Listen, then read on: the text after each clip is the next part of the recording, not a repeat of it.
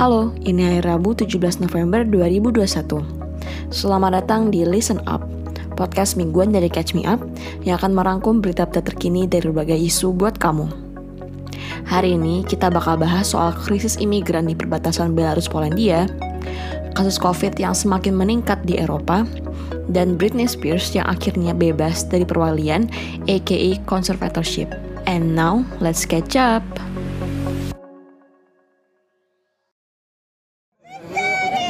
The European Union accuses Belarus of luring migrants towards the border.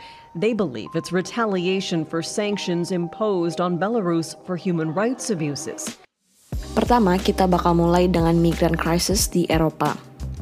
Huh, sedih banget deh guys. Jadi, sejak awal November kemarin, ribuan imigran dari wilayah Timur Tengah kayak Turki, Syria, Afghanistan, dan lain-lain tertahan di wilayah perbatasan Belarus dan Polandia. Jadi para imigran ini tuh mencoba masuk ke wilayah Uni Eropa dari Belarus, tapi ketahan nih di wilayah perbatasan dan gak diizinin masuk sama penjaga perbatasan Polandia. Terus pas mau balik lagi ke Belarus juga gak dikasih sama tentara Belarus. Akhirnya ribuan imigran ini harus ketahan di wilayah perbatasan yang berupa hutan dengan perlengkapan dan persediaan yang kurang memadai sampai nasib mereka bisa jelas nantinya. And to make things worse, sebentar lagi musim dingin, dan hal ini bakal memperburuk kondisi kehidupan para imigran ini. Terus, Uni Eropa dan Belarus malah tertuduhan dan bikin suasana makin rempong. Daripada bingung, yuk kita mulai aja nih. Jadi, krisis ini berawal dari Belarus, negara tetangga Rusia yang kena sanksi dari Uni Eropa karena bikin pengalihan darurat buat pesawat jet berpenumpang demi bisa menangkap salah satu tokoh pro-demokrasi Belarus yang bernama Roman Protasevich. Adapun Protasevich ini adalah jurnalis Belarus yang emang udah lama diburu pemerintahnya karena tulisannya yang tajam terhadap pemerintahan Presiden Belarus, Alexander Lukashenko.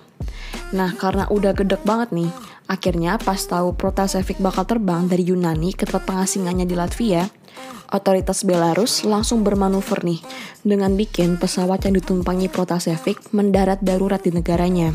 Dan doi langsung ditangkap deh Adapun cara pengalihannya adalah dengan bilang kalau adanya ancaman bom bohongan yang bikin pesawat harus mendarat darurat.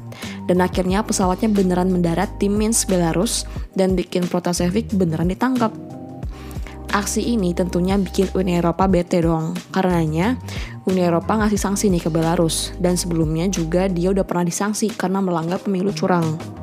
Gak tanggung-tanggung, Doi menang pemilu 6 kali, Lukashenko marah banget sama sanksi yang berturut-turut ini karena of course jadi nyusahin Belarus banget, terutama dari segi perekonomian.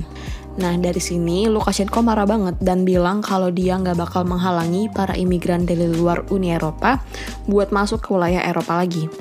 Bahkan dibilang Lukashenko sengaja mendatangkan para imigran ini buat blackmailing Uni Eropa supaya membatalkan sanksinya.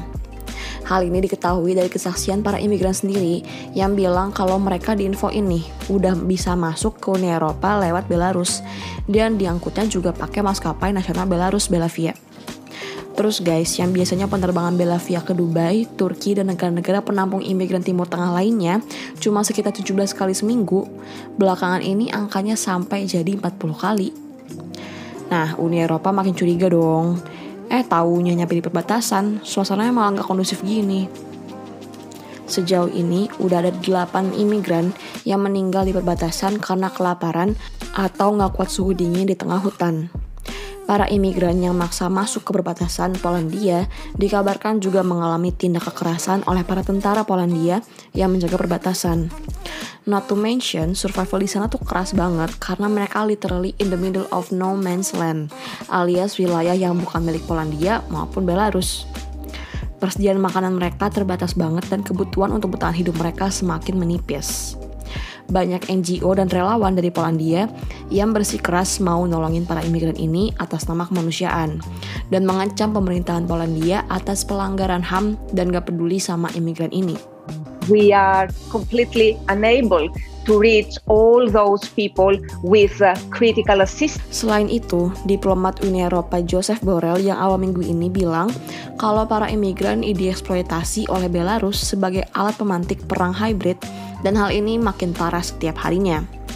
Makanya Uni Eropa mempertimbangkan sanksi baru untuk dijatuhkan ke Belarus lagi karena udah menciptakan krisis ini. Para negara-negara tetangga Belarus juga minta bantuan ke NATO untuk konsultasi karena kejadian ini dianggap udah mengancam keamanan negara mereka. Perdana Menteri Polandia juga sempat nih nyamperin wilayah perbatasan itu dan ngasih pidato soal gimana ini adalah tindakan yang mengancam kedaulatan Polandia. Nih dengerin nih ada translate juga gengs. We know that this is a fully planned operation which aims to disrupt the sovereignty of our country. That's absolutely clear to us.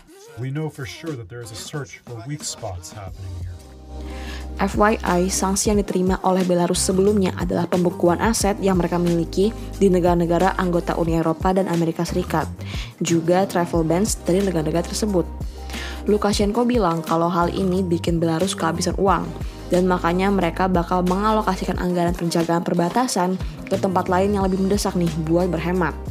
Lukashenko bilang kalau Belarus nggak bakal lagi memenuhi permintaan Uni Eropa untuk menghalangi masuknya imigran ilegal ke wilayah tersebut dan malah balik menyerang Uni Eropa gengs yang melanggar HAM atas para imigran ini.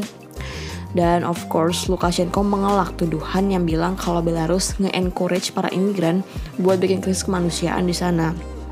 Lebih jauh lagi, Lukashenko juga mengancam bakal memutus aliran pipa gas ke Eropa dari Rusia yang melewati negaranya. Haduh.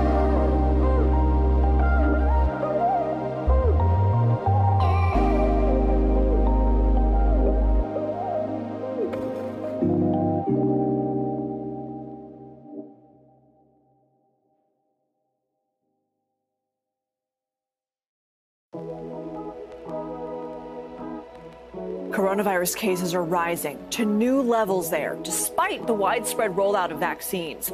Nearly 2 million new cases were reported in Europe last week. That is the most in a single week in that region since the pandemic started. Iya nih guys, benua Eropa lagi nggak baik-baik aja. Karena baru aja lagi mengalami kenaikan kasus COVID yang signifikan gak lama setelah berlakunya pelonggaran di berbagai aspek. Jadi selama sebulan terakhir ini, kasus COVID di benua biru tersebut naik 50%. Meski begitu, angka kematiannya menurun drastis ya guys, karena tingkat vaksinasi di sana udah tinggi di kalangan orang dewasa. FYI, sejak akhir Agustus kemarin aja, Uni Eropa tuh sebenarnya udah mencapai herd immunity. Hal ini disampaikan sama Presiden Komisi Uni Eropa Ursula von der Leyen yang ngumumin kalau 70% masyarakat usia dewasa di Eropa udah menerima dosis pertama dan kedua vaksin COVID-19, aka fully vaccinated. Bulan Juli sebelumnya, 70% masyarakat usia dewasa di Eropa udah menerima at least vaksin dosis pertama. Terus, what exactly happened? Nih, dengerin kata Direktur WHO, Tedros Adhanom Ghebreyesus. COVID-19 is surging in countries with lower vaccination rates in Eastern Europe, but also in countries with some of the world's highest vaccination rates in Western Europe. Vaccines do not replace the need for other precautions. Iya, jadi gitu guys. Meskipun tadi vaksin, salah satu alasan naiknya kasus COVID di Eropa adalah karena udah ada beberapa negara di Eropa yang udah mulai mengelonggarkan pembatasan sosial di sana selama musim panas kemarin. Kayak di Inggris, Prancis, dan lain-lain. Nah, hal inilah yang bikin kasus COVID twing naik lagi. Menurut WHO, hari Jumat minggu lalu, 2 per 3 total kasus COVID di dunia selama seminggu sebelumnya, atau hampir 2 juta dilaporkan terdeteksi di Eropa. Angka ini bahkan merupakan yang tertinggi dalam seminggu di benua tersebut sejak pandemi dimulai di awal tahun 2020 silam. Meskipun angka kematiannya udah gak setinggi kayak di awal pandemi, tapi tetep aja gengs, angka kematiannya naik 10% minggu lalu, dan hal ini membuat Eropa jadi satu-satunya wilayah di dunia di mana angka kematian pelan-pelan mengalami kenaikan. Direktur WHO untuk Eropa, Dr. Hans Kluge, bilang kalau Eropa kembali jadi pusat penyebaran aka epicentrum COVID di dunia. Makanya beberapa negara di Eropa udah mulai mengetatkan lagi nih pembatasan sosialnya, kayak yang dilakukan oleh Belanda. Caretaker Prime Minister Mark Rutte bilang hari Jumat kemarin kalau mulai besokannya di hari Sabtu, Belanda bakal menerapkan sistem partial lockdown selama 3 minggu ke depan dengan ketentuan lockdown setengah-setengah, kayak bar boleh buka tapi cuma sampai jam 8 malam, dan lain-lain. Terus juga ada nih Perdana Menteri Inggris Boris Johnson yang bilang kalau ini adalah bukti betapa pentingnya vaksin booster. Nih lengkapnya. What I'm saying is that I'm seeing a uh, the, the storm clouds gathering over parts of the European continent, and I've, I've got to be absolutely frank with people. I can, and we've been here before, and we remember what happens when a wave starts starts rolling in. The UK has built in a huge amount of protection thanks to the, the vaccine rollout and people's amazing willingness to come forward and, and get jabbed. What I'm saying today is that the urgency of getting that, that booster jab is, is more evident than ever. If you can get it, it's a great thing. The levels of protection it gives you are, are terrific. And so people uh, over, over 50s that we're now calling forward, uh, they should come and get it. What I'm also saying is that uh, if we don't do it fast enough, uh, we can see the potential risks uh, to the, the state of the pandemic in what's happening in, in other parts of Europe. Austria juga nerapin lockdown khusus buat orang-orang yang belum divaksinasi. Orang-orang ini dilarang keluar rumah kecuali urusan penting, belanja kebutuhan sehari-hari, jalan kaki di sekitar rumah, atau pergi buat divaksinasi. Denmark juga sekarang nerapin kayak semacam aplikasi peduli lindungi gitu gengs di sana. Di mana setiap orang wajib punya Corona Pass atau harus masuk ke tempat-tempat umum menggunakan aplikasi tracing mereka. Meanwhile Indonesia, juru bicara vaksinasi COVID-19 Kemenkes Siti Nadia Tarmizi mengatakan nih kalau capaian vaksinasi Indonesia akhirnya berhasil melampaui target Badan Kesehatan Dunia atau WHO di mana 40% populasi Indonesia diperkirakan bakal fully vaccinated pada akhir tahun 2021 nanti.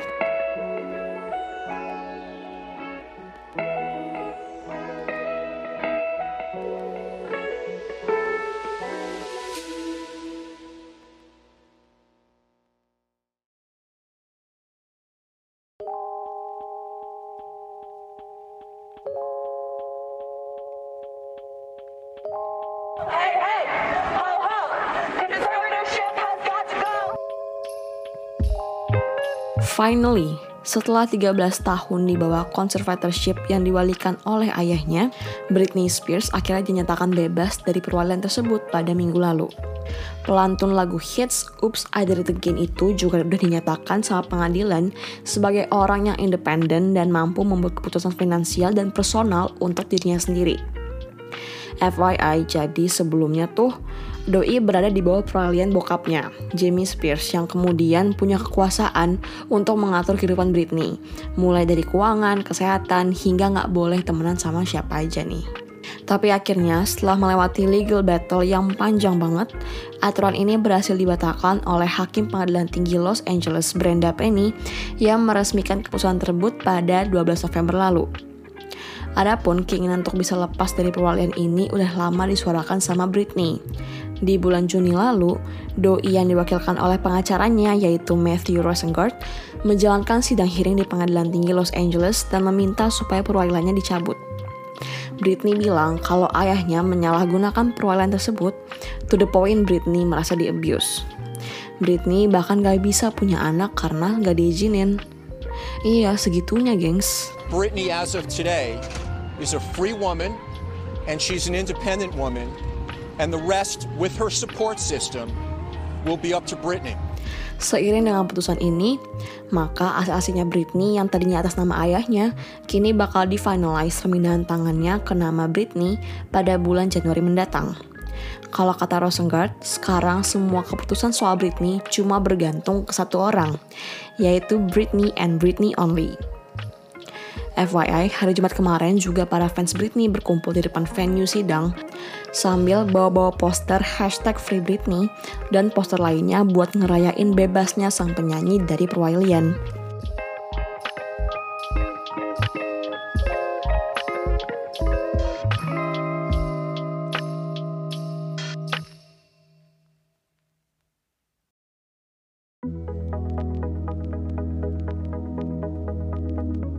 Demikian listen up hari ini. Sampai jumpa di hari Jumat. Stay safe and stay healthy ya guys. See you.